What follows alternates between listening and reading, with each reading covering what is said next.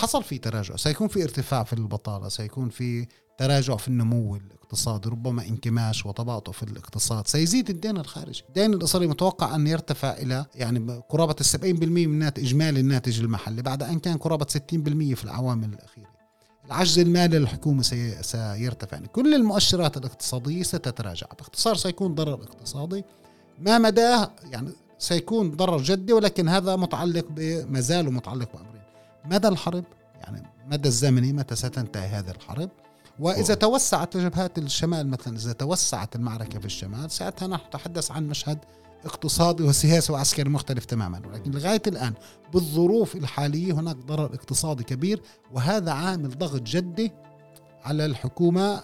لم يترجم الآن في الشارع لأنه مستعد الآن المجتمع الإسرائيلي أن يتحمل هذا العبء لغاية الآن.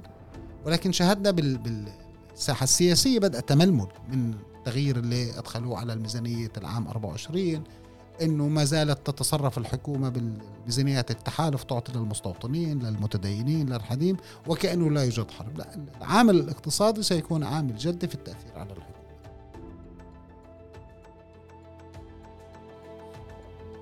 سلام.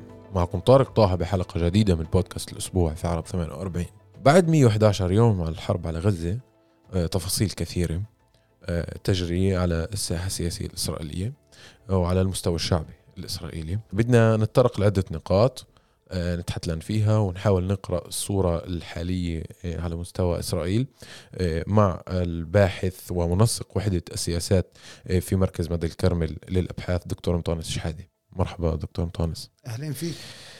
مطانس خلينا نبلش من العنوان اللي برز آخر يومين اللي هو قائد العام للجيش هرتسا ليفي بطالب مراقب الدولة بعدم إجراء تحقيقات آه، لممارسات وأعمال الجيش خلال الحرب.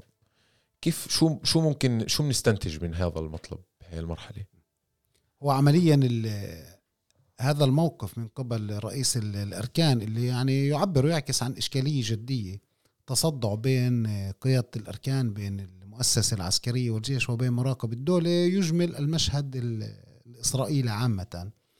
بمعنى إنه هذا استمرار للخلاف بين المؤسسة العسكرية وبين نتنياهو بين رئيس الحكومة وعدم الثقة الموجود منذ بداية العام الماضي بسبب الخطة الحكومية لتقييد القضاء. ويعكس محاولة نتنياهو التهرب من تحمل المسؤولية عما حصل في السابع من أكتوبر الماضي. والقصد إنه هذا أول مرة في تاريخ دولة إسرائيل يقوم مراقب الدولي البدء بتحقيق رسمي بأحداث عسكرية وهو سيحقق بالسابع من أكتوبر بالأساس يعني بالإخفاق الكبير اللي حصل بالسابع من أكتوبر آه، أداء المؤسسة العسكرية أداء المخابرات أداء الجيش وفي السابع بأكتوبر نفسه وهي عمليا محاولة أو هي يعني ضربة استباقية من نتنياهو للجنة تحقيق رسمية بهذا المعنى نتنياهو طلب عمليا هذا التحقيق مطلوب من قبل نتنياهو تم طلبه من قبل نتنياهو لأنه أنجلمان هو تعيين شخص لنتنياهو مراقب الدول الحالي تعيين شخص من نتنياهو ويسعى بذلك. اولا تسليط الضوء أن الإخفاق الكبير من يتحمل هذه المسؤولية هي المؤسسة العسكرية وليس المؤسسة السياسية. السياسي. السلطة التنفيذية الحكومة. يريد أن يضع كل المسؤولية على المؤسسة العسكرية. ويريد من الآن يعني هو يزعج المؤسسة العسكرية ويسعى أن تكون والمراقب قال أنه صرح أنه سيكون التقرير خلال ستة أشهر أو بعد ستة أشهر يعني. تقرير عن الإخفاق أو ما حدث في السابع من أكتوبر سيكون مباشرة بعد انتهاء الحرب. وهذا استباق لمطلب إقامة لجنة تحقيق رسمية في إسرائيل. يعني إذا طلعت النتائج والمراقب الدولة حمل مسؤولية للمؤسسة العسكرية هذا يفرغ من مضمونه أي لجنة تحقيق قادمة قد تحمل أيضا المسؤولية للمستوى العسكري السياسي, السياسي. لأنه مراقب الدولة لن يحقق مع المستوى السياسي فقط مع المستوى العسكري. يعني نتنياهو يربح بذلك بعدة أمور. أولا يستبق أي لجنة تحقيق رسمية يحمل المؤسسة العسكرية المسؤولية. ثالثا يخلق جو عام أنه الجيش يدافع عن نفسه أنه الجيش ينشغل الآن ب قضية التحقيق ويسلط الأضواء على دور المؤسسة العسكرية ويخفف الضغط على المؤسسة السياسية. هذا عمليا هذا أسلوب نتنياهو. وهي يعني يعني تخلق توتر جدي داخل صناعة القرار في إسرائيل بين المؤسسة العسكرية والمؤسسة السياسية واستمرار لعدم الثقة والتوتر والتصدع للخلافات اللي كانت قائمة. يعني القصد إنه هاي الخطوة تعكس تماما العلاقات السيئة والرديئة بين المؤسسات وصناعة القرار داخل إسرائيل ولها إسقاطات على المشهد السياسي والأمني وعلى العلاقات بين هاي المؤسسات. نتنياهو بيعرف زيه زي غيره إنه الجيش هو الشيء المقدس لدى المجتمع الإسرائيلي وهو الشيء اللي يجمع عليه الإسرائيليون آه، من كل أطراف الخارطة السياسية اسرائيليا.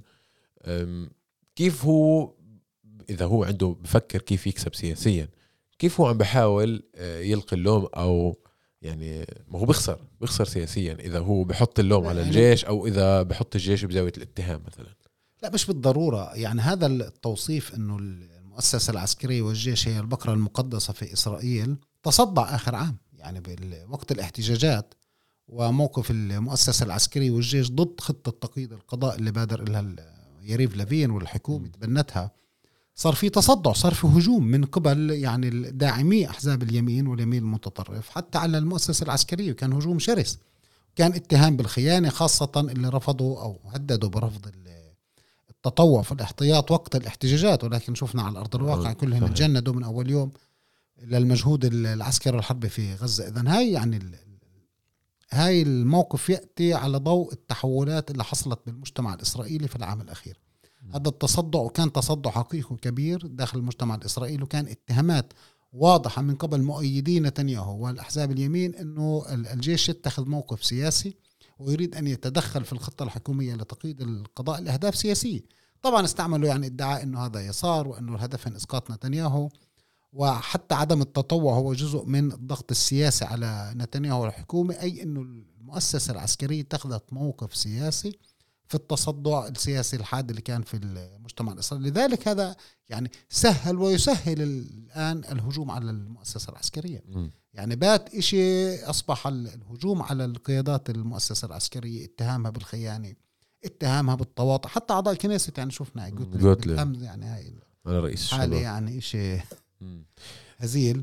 يعني يستسهلون الهجوم على المؤسسة العسكرية. ثانيا ما حصل في السابع من أكتوبر أضعف مكانة المؤسسة العسكرية والجيش يعني لدى كافة المجتمع الإسرائيلي ليس فقط اليمين يعني هاي الهالة اللي كانت لدى وأنه هاي مؤسسة أو مستوى الثقة بالمؤسسة العسكرية والجيش تراجع بعد السابع من أكتوبر وهذا أيضا يسهل الآن انتقال. الهجوم والانتقادات على المؤسسة العسكرية. يعني لم تعد تلك البقرة المقدسة كما كانت م. قبل أكثر من عام لسببين التصدع السياسي والحراك والاحتجاج اللي كان ما قبل الحرب وأحداث السابع من أكتوبر. طيب دكتور مطانس إذا بنظلنا سياسيا على مستوى إسرائيل يعني شفت في من أحزاب المعارضة عم بدعوا الأحزاب الائتلاف إنه يوصلوا بت يعني آه، بالقرار المشترك لتعيين تاريخ انتخابات. شيء يعني يقول إنه غير واقعي وغير مهم وخطير في فترة الحرب آه، وشيء يقول بل ضروري يعني أطراف تقول آه، ضروري الانتخابات آه، ما مدى تماسك هاي هذا الائتلاف أو هاي الحكومة خصوصا في ظل هاي الأزمة الحادة اللي عم يتعيشها بس خلينا لاجمال النقطة السابقة. أوه. هذا لا يعني إنه يعني المؤسسة العسكرية ما زالت تحظى بثقة أعلى من مؤسسات أخرى يعني بشكل واضح أعلى من الحكومة أو الكنيست. ولكن مكانتها تراجعت. الآن بالنسبة للمطالب بتقديم الانتخابات يعني حتى لبيد أو الآخرين.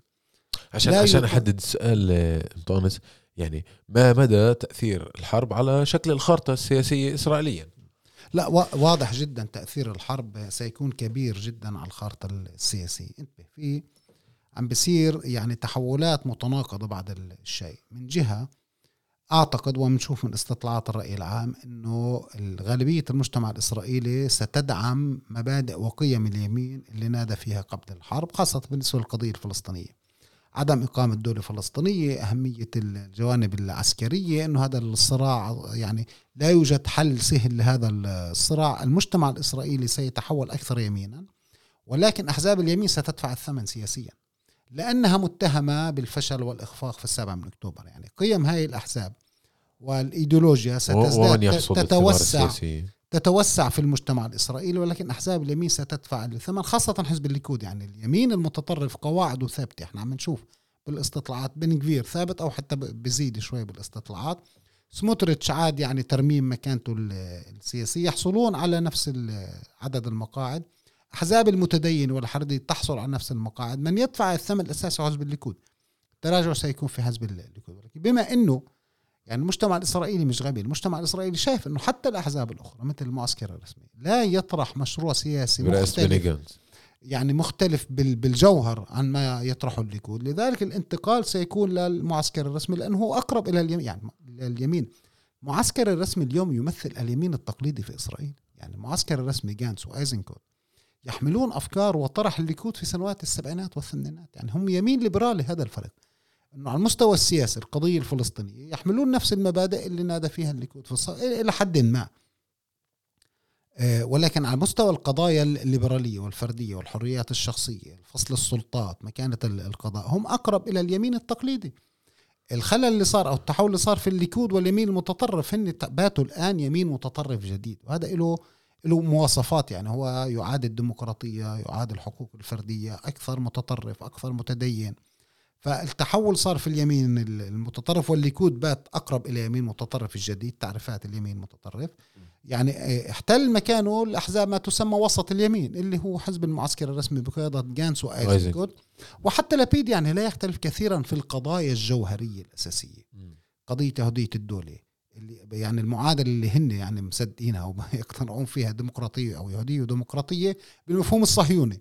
وقضية الاحتلال. حتى لبيد لا يطرح إقامة دولة فلسطينية يعارض إقامة دولة فلسطينية. مم. لبيد افتتح معركته الانتخابية بال 2013 بمستوطنات ب- باريال فالفرق الوحيد كان إنه هن ضد نتنياهو لكن من حيث الجوهر لا يختلفون كثير. الآن هاي الأحزاب تستفيد لغاية الآن.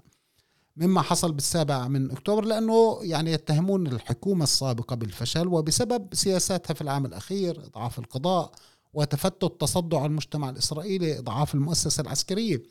الآن المطروح يعني لا أحد يريد انتخابات الآن. حتى لبيد يقول يجب الاتفاق على موعد على للانتخابات موعد لا يريد انتخابات سريعة لأنه لا يستفيد من الانتخابات. يعني حالته في الاستطلاعات الرأي العام آه، لا يستفيد من الحاله الآن سياسيا. لذلك هو وهو تهمش يعني في في مرحلة الحرب.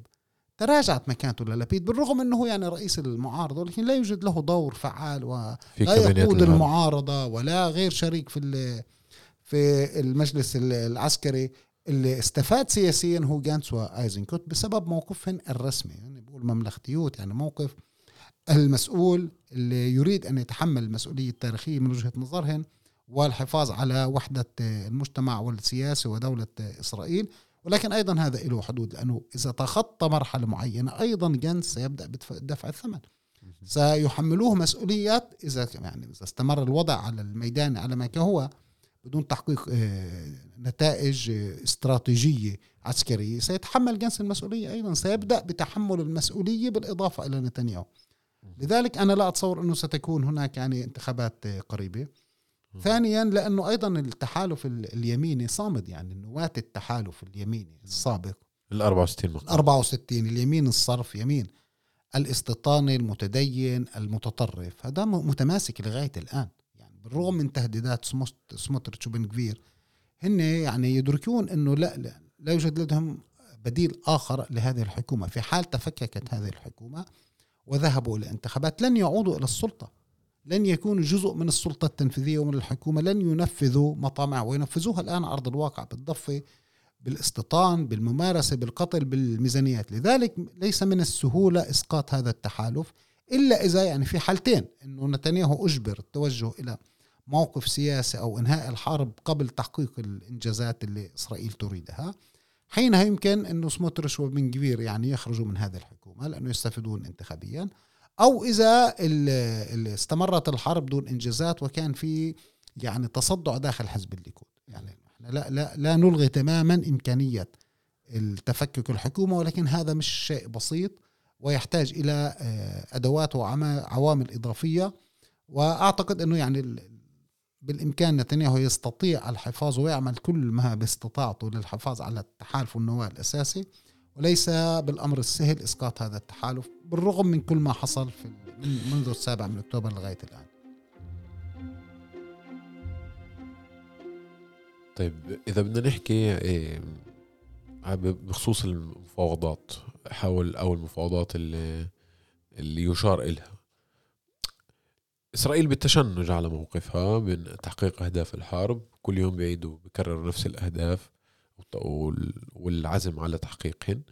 وبالتالي كمان حركة حماس أهدافها كمان هي متصلبة عليهن ومتشنجة هل حراك شعبي إسرائيلي يتصاعد آه، خصوصا في ظل الخسائر اللي يتكبدها الجيش في غزة قد يؤثر على القرار السياسي؟ أم أنه مش يعني لا يؤخذ بعين الاعتبار إسرائيليا يعني مين مين أهم لإسرائيل؟ البعد الاستراتيجي من تحقيق الهدف على مستوى مكانة إسرائيل بالمنطقة ولا استعادة مختطفينها وتحقيق إنجازها العسكري الآني؟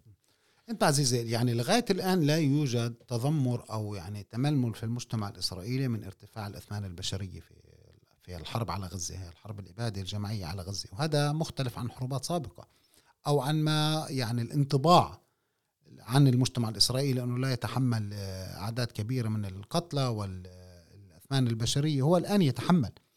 وهذا بسبب إنه يعني ما حصل في السابع من أكتوبر والحكومة الإسرائيلية وكل القيادات الإسرائيلية الأمنية العسكرية السياسية عرفت ما يحدث إنه حرب على البيت وحرب استقلال ثاني. يعني هذه الصورة الانطباع لدى المجتمع الإسرائيلي إنه فرض عليه أن يدفع هذا الثمن للحفاظ على وجوده. يعني شوف مدى غباء مثلا وزير الأمان جالنت الذي يقول إنه إذا إسرائيل لم تحسم الحرب فإن مستقبلها مجهول. يعني أي دولة في العالم يعني هو لا يقول إذا خسرنا المعركة لأن إسرائيل يعني بطبيعة الحال لن, تخسر المعركة ولكنها لن تربح المعركة.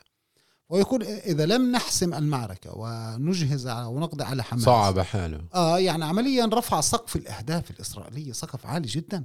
هو نتنياهو آه، جانس الجميع يتحدث بهذه اللغة إنه هاي حرب وجودية يعني حرب وجودية أمام يعني بضعة ألاف من المقاتلين أمام قطاع غزة المحاصر على مدار 17 عام أمام غزة المحاصر مدمر الآن. يضع مستقبل دولة إسرائيل على كف عفريت عمليا إذا لم يكن هناك حسم واضح ولن يكون حسم واضح في هذه المعركة. فلذلك الآن ال ال ال ما يحدث أنه نعم في هذا التوتر بين هدف إطلاق سراح الأسرى والمخطوفين وبين تحقيق الإنجاز العسكري والأمني. الحكومة الإسرائيلية نتنياهو وجالانت يضعون الهدف, الهدف الأساسي القضاء على حماس أو القضاء على قدرات حماس وإلغاء أي تهديد أمني من غزة على إسرائيل كهدف أساسي والأهم في هذه المعركة ويضعون هدف تحرير الأسرى كهدف ثانوي. يعني بالرغم من كل أقوالهم وتصريحاتهم لكن عرض الواقع وتصريحات جالنت والمؤسسة العسكرية تشي أنه هدف تحرير الأسرى هو هدف ثانوي وحتى لو كان يعني سقط منهن الآن في القصف والحرب قتلى وإصابات. يعني بالنسبة للحكومة الإسرائيلية هذا أو سموتريتش هذا ثمن يجب أن يدفع. في شرائح أخرى بالمجتمع الإسرائيلي بدأت تتحرك في الأسبوع الأخير بشكل جاد لأنها اقتنعت وفهمت أنه هذا هدف نتنياهو. إنه هدف تحرير الأسرى والمخطوفين مش هدف أساسي ولن يكون سريعا. لذلك بدأت بالإحتجاج للضغط على الحكومة وعلى نتنياهو. وشفنا تغير في موقف جانس وآيزنكوت بهذا القصد إنه لغاية الآن لا قضية الاسرى والمخطوفين لم تتحول إلى إجماع أو تحريرهم الفوري إلى إجماع في المجتمع الإسرائيلي. لغاية الآن الإجماع هو على الهدف الأول الأساسي القضاء على قدرات حماس العسكرية والإدارية. هذا الانتقام رغبة الانتقام هي الأشد الآن. ولكن إذا استمر الوضع على ما هو عليه دون تحقيق نتائج عسكرية استراتيجية. مع استمرار الأثمان البشرية في غزة والتراجع الاقتصادي والتوتر في الشمال بالإمكان أن يعني تزداد حركة الاحتجاج والمطالبة بإطلاق سراح الأسرى والمخطوفين يمكن أن يشكل ضغط, آه، آه، ضغط. يعني لغاية الآن هذا يعني أعتقد أنه هذا العامل الأهم أو الأبرز في الضغط نحو اتجاه يعني اللي بعده لم يفعل. صحيح. لأنه لا يعني لا يوجد أي عوامل ضغط جدية إضافية. طيب. ربما الضغط الدولي بعض ولكن شفنا يعني مع حتى مع العالم الدول العربية في قطيعة ومشاكل العامل الأساس اللي يمكن أن يشكل ضغط على الحكومة هو احتجاج الشارع باتجاه تحرير الأسرى والمخطوفين والتوصل إلى وقف للحرب وعقد صفقة تبادل شاملة طيب بخصوص ورقة الضغط الأخرى اللي قد تصدرها محكمة العدل الدولية إحنا عم نسجل الحلقة اليوم الخميس بكرة ننشرها الصبح. صحيح. آه يوم الجمعة صباحا أو خلال النهار محكمة العدل الدولية راح تطلع بقرارها بخصوص بخصوص الدعوة اللي رفعتها جنوب أفريقيا. آه قد يكون أيضا ورقة ضغط. قديش بتشكل ضغط أو بتأثر على مسار الحرب إسرائيليا؟ يعني بدأنا أول شيء ما حدث مهم جدا هذا تحول تاريخي. يعني هي أول مرة يكون اتهام لإسرائيل آه، بارتكاب جرائم إبادة جماعية وهذا مش إشي بسيط. المحكمة العدل التوقعات محكمة العدل الدولية أنه سيكون قرار باتجاه إما المطالبة بوقف إطلاق نار فوري يعني هذا يقول أنه المحكمة تخشى أنه هناك نعم على أرض الواقع تنفذ جرائم بالإبادة الجماعية أو حتى لو كان يعني قرار أقل من ذلك ببعض الشيء.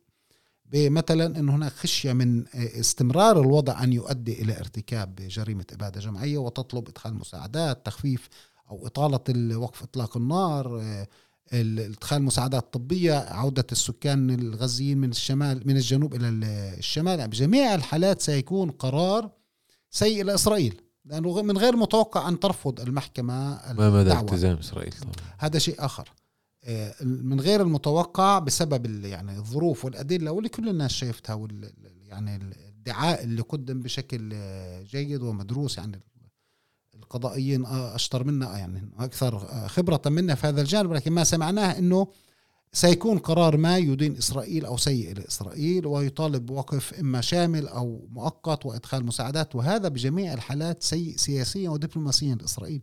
لأنه سيحرج الولايات المتحدة خاصة إذا كان في توجه لمجلس الأمن الدولي. صعب جدا على الإدارة الأمريكية تصوت أو يعني تستخدم حق النقد الفيتو ضد قرار لمحكمة العدل الدولية اللي الولايات المتحدة طبعا موقعة عليها وأقامتها. فسيكون الوضع مختلف. إسرائيل من الآن تلمح أنها لن تلتزم بأي قرار تتخذه محكمة العدل الدولية ولكن هذا أيضا يحرجها. هذا سيزيد الضغوطات الدولية على إسرائيل. يعني شفنا العامل الجماهير المظاهرات في الدول في العالم في الدول الأوروبية والولايات المتحدة. يعني قبل كم من يوم شهدنا مشهد يعني هذا ما كان حدا يتخيل أنه في خطاب للرئيس بايدن خطاب انتخابي حملة انتخابية.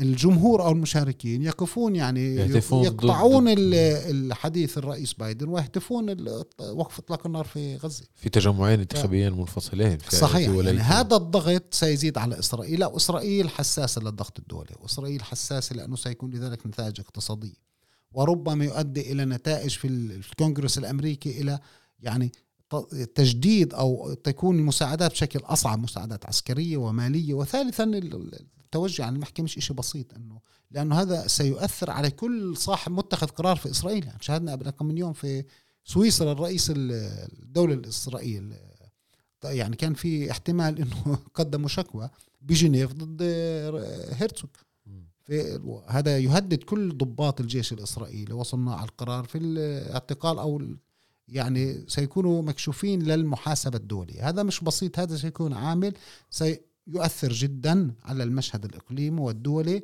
إسرائيل ستحاول التهرب من ذلك ولكن في نهاية المطاف نعم هو عامل ضغط إضافي لتغيير مجرى الحرب ومجرى الحرب الكارثية على غزة. طيب هذا بجيبنا للسؤال الاقتصادي. بما أنه حكينا عن ما قد يتبع قرار محكمة العدل الدولية والتأثير على سياسة إسرائيل وبالتالي قد يؤثر أيضا على اقتصاد إسرائيل. بما أن اقتصاد إسرائيل يقوم بالأساس على صادرات تكنولوجية واستثمارات خارجية وإلى آخره فيما لو صدر القرار أو الحرب الحالية بغض النظر عن قرار المحكمة قديش قد يؤثر على الاقتصاد الإسرائيلي؟ خصوصا أنه عندنا آه، يعني شيء آه، متخيل أو معروف عن إسرائيل إنه اقتصادها متمكن وثابت يعني إلى حد ما. يعني هو صحيح اقتصادها متمكن وثابت وقوي لغاية قبل عام من الآن. يعني صار في انتبه إنه هاي الحرب أجت بسياق مختلف عن سياق خاص هو قضية الاحتجاجات اللي كانت في المجتمع الإسرائيلي. وهذا أيضا أدى إلى تراجع في الحالة الاقتصادية. يعني إسرائيل تدخل الحرب في وضع اقتصادي غير مستقر. صحيح ما كان في تراجع جدي بالاستثمارات كان في تراجع بالاستثمارات الخارجية خاصة بقطاع الهايتك كان في آه، قلق وشعور إنه في إمكانية ل آه، يعني آه، كل تدريج الائتمان العالي ما أن تقال عمليا بالضبط يكون في تراجع بمكانة التدريج الائتمان الإسرائيلي وهذا سيضر بالاقتصاد. كان في تراجع في الاستهلاك. يعني دخلت الحرب في وضع اقتصادي ليس بأفضل آه، حال. الآن الحرب واضح أثرت بشكل كبير على الحالة الاقتصادية. يعني في ضرر الاقتصادي المباشر للحرب. تكاليف. التكاليف الجيش الاحتياط الحديث عن كان 360 ألف جندي احتياط. هاي بتحكي عن يعني ملايين الشواكل. الذخائر استعمال المخازن الأسلحة واستعمال كل تكلفة الجيش المباشرة. التكلفة الضرر في البلدات الجنوب اللي تقريبا يعني تدمرت والاقتصاد غاد معطل بشكل شبه كامل. وأيضا في الشمال الاقتصاد معطل إلى حد كبير. فحصل في تراجع. سيكون في ارتفاع في البطالة سيكون في تراجع في النمو الاقتصادي ربما انكماش وتباطؤ في الاقتصاد. سيزيد الدين الخارجي.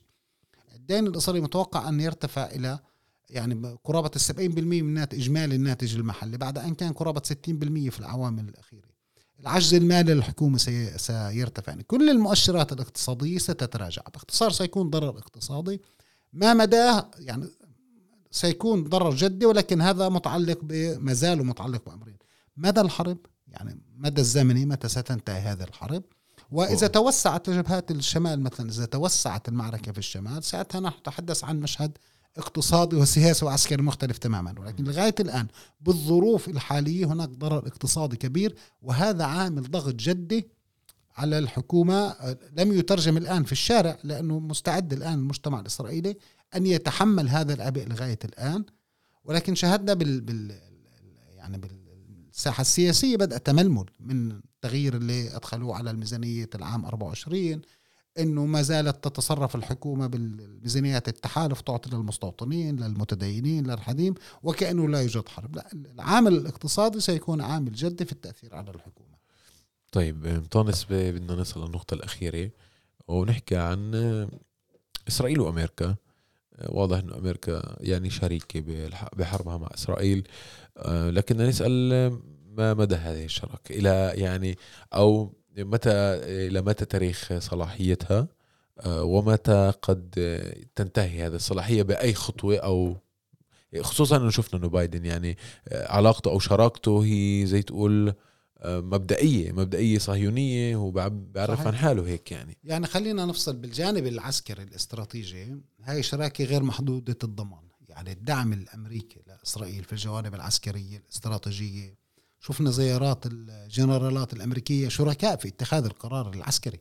من اليوم الأول. آه من لا بنحكي على الإدارة آه. الفعلية للحرب للحرب يعني. من اليوم الأول كان في زيارات لقائد المنطقة الوسطى لقائد الأركان الامريكي وهذا التواجد والتعاون يومي يعني. الولايات المتحدة لن آه، الجوانب السياسية والخلافات السياسية لن تؤثر على الجوانب العسكرية الاستراتيجية. هناك توافق على أهداف الحرب بين الإدارة الأمريكية والحكومة الإسرائيلية القضاء على قدرات حماس السياسية والعسكرية والإدارية. هذا والدعم اللامحدود في الجوانب العسكرية والإمداد يعني لكل احتياجات الجيش الإسرائيلي واستعمال مخازن الطوارئ الأمريكية الموجودة هنا في البلاد. هذا الجانب واضح. ولكن في الجانب السياسي الدبلوماسي بنقدر نقول إنه لا هاي الشراكة محدودة الضمان. يعني أصلا دخول الحرب كان في فترة توتر شديد بين نتنياهو وبين بايدن يعني في خلافات جدية. آه، بايدن حضن وتبنى إسرائيل بعد السابع من أكتوبر لأنه يعني شعر أنه المؤسسة الأمريكية شعرت أنه إسرائيل في خطر. في الأيام الأولى بعد طوفان الأقصى. هذا كان شعور حقيقي عند الإدارة الأمريكية. وكان خشية من توسع المعركة وأن إسرائيل لن تستطيع أن تتعامل عسكريا في حال كان في توسع للمعركة. سياسيا هناك إشكالية. هناك إشكالية جدية. أولا بعدم ثقة بين بايدن ونتنياهو يعني لا يوجد ثقة ولا يوجد يعني العلاقات الشخصية تؤثر هون ما في العلاقات الشخصية سيئة بين الشخصين. وهناك خلاف جدي على النتائج الحرب السياسية يعني ما بيقولوا اليوم التالي يعني تحدثوا اليوم التالي في غزة ولكن على فكرة المشكلة أكبر في اليوم التالي في إسرائيل يعني ليس في غزة فقط. ويتصرفون كأنهم وحدهم من سيقرروا يعني كيف سيكون اليوم التالي. يعني إذا اتفقت إسرائيل والولايات المتحدة وكأنه هذا خلص سينفذ على أرض الواقع. لكن بالمبدأ نعم هناك خلاف جدي على يعني على قراءة المشهد السياسي على المدى البعيد ولأنه إسرائيل لا يعني لا تحترم ولا الأهداف أو المصالح الاستراتيجية للولايات المتحدة في المنطقة، إسرائيل لا تتعامل معها بجدية. أو لا تأخذها بشكل جدي بعين الاعتبار بشكل جدي عند في قراراتها بالنسبة للحرب. وهذا طبعا يزعج الإدارة الأمريكية. الإدارة الأمريكية عندها مشروع عندها تصور للمنطقة عندها خطط للمنطقة. والآن إسرائيل تزعج وتشكل تهديد على هذه الخطط. القضية الأساسية هي كيف يدار قطاع غزة في اليوم التالي. قضية يعني بايدن أعاد طرح شعار الدولة الفلسطينية لمطروح يعني منذ 30 40 عام ولا لم يحدث أي شيء فيه. وإسرائيل من أوسلو لغاية الآن تقول لن تكون دولة فلسطينية يعني حتى بالموقف الإسرائيلي لا يوجد جديد. يعني هذا مش إنه موقف نتنياهو مختلف عن موقفه قبل 10 سنين و20 سنة هو نفسه. أو موقف اليمين. حتى باتفاقيات أوسلو كان الحديث عن إدارة ذاتية يعني لل للطرف الشعب الفلسطيني. ما حده مرحلة انتقالية ربما تغير لكن رابين وقتها كان واضح إنه لن تكون دولة فلسطينية. يعني هذا الموقف أيضا غير جديد. لكن هذا هذا محل خلاف الآن سياسيا بين الإدارة الأمريكية وبين إسرائيل ما شاء الله عليهم بيناقشوا مستقبل الشعب الفلسطيني. طبعا الإدارة الأمريكية تسعى إلى ربما وقف إطلاق نار ومؤقت ولا مؤقت لأنه هي تعارض لغاية الآن وقف إطلاق نار ثابت والتوصل لاتفاقية تبادل اسرى يعني خلافات سياسية ولكن لم تؤثر لغاية الآن على الأداء الأمريكي العسكري والإستراتيجي. قد تؤثر لأنه الضغوطات جدية على الإدارة الأمريكية. عام انتخابات. بايدن بوضع يعني محرج وتحولت القضية الفلسطينية إلى قضية مركزية في الانتخابات الأمريكية, الأمريكية. في ضغط جدة على بايدن وفي تراجع بمكانته في احتمال ترامب يفوز. لذلك نعم أعادت خلط الأوراق في المشهد السياسي الأمريكي وهذا عامل ضغط مهم على الإدارة الأمريكية ومنها على الحكومة الإسرائيلية. بشي مرحلة كنا نفكر كنا نقول لحالنا هات ما نفكرش حالنا مركز العالم والله شكله يعني طلعت قضيتنا محورية بالعالم يعني هي كله. منطقة أخلاقية وقضية أخلاقية وقضية إنسانية وهي آخر احتلال استيطاني في العالم وهذا الشعب الفلسطيني على مدار 100 عام يعني 75 عام من النكبة و 50 أكثر من 50 عام من احتلال ال 67 يعني والحصار على غزة 17 عام وإسرائيل يعني لا يعني لا تعطي اعتبار لأي مطلب عالم في السنوات الأخيرة يعني حتى داخليا تراجعت مكانة في الخلافات السياسية الإسرائيلية. لم تعد القضية الفلسطينية قضية هامة في التصدعات السياسية. صار في إجماع إنه بالإمكان الاستمرار بالحياة بشكل طبيعي وعادي مع الاحتلال يعني صار في حالة تطبيع للاحتلال توجه إلى آه، آه، إطباق السيطرة وضم مناطق جيم والاستمرار بالوضع الحالي يعني الوضع الراهن السابق كان مريح لإسرائيل. فلذلك ارادت الاستمرار به وفرض كل يعني الإيديولوجيا اليمين. الآن ما حصل خلط الأوراق يعني غير. كنا رايحين باتجاه هذا الاتجاه تغير بعد السابع من أكتوبر. وتامل إنه يؤدي نعم لأنه هاي يعني هاي معركة تحرر وطني الآن. يعني حماس تتعامل معها كمرحلة استقلال أو ربما الهدف استقلال. ولكن لم تترجم بهذه الروح وهذه الأهمية لدى كل الشعب الفلسطيني أو الأطراف السياسية خلينا نقول الفصائل الفلسطينية عامة. وعلى هذا الموضوع إن شاء الله بالحلقة المقبلة لازم نسأل الأسئلة اللي سألناها عن الساحه السياسية الإسرائيلية لازم نسألها بالضرورة عن الساحه السياسية الفلسطينية عن كيف كفلسطينيين وكتيارات سياسيه بنتعامل مع هذا الحدث وكيف إحنا بنشوف اليوم التالي. آه، راح نكون بحلقة مقبلة الأسبوع آه، القادم. شكرا دكتور مطانس على هذا اللقاء. يعطيك ألف عافية.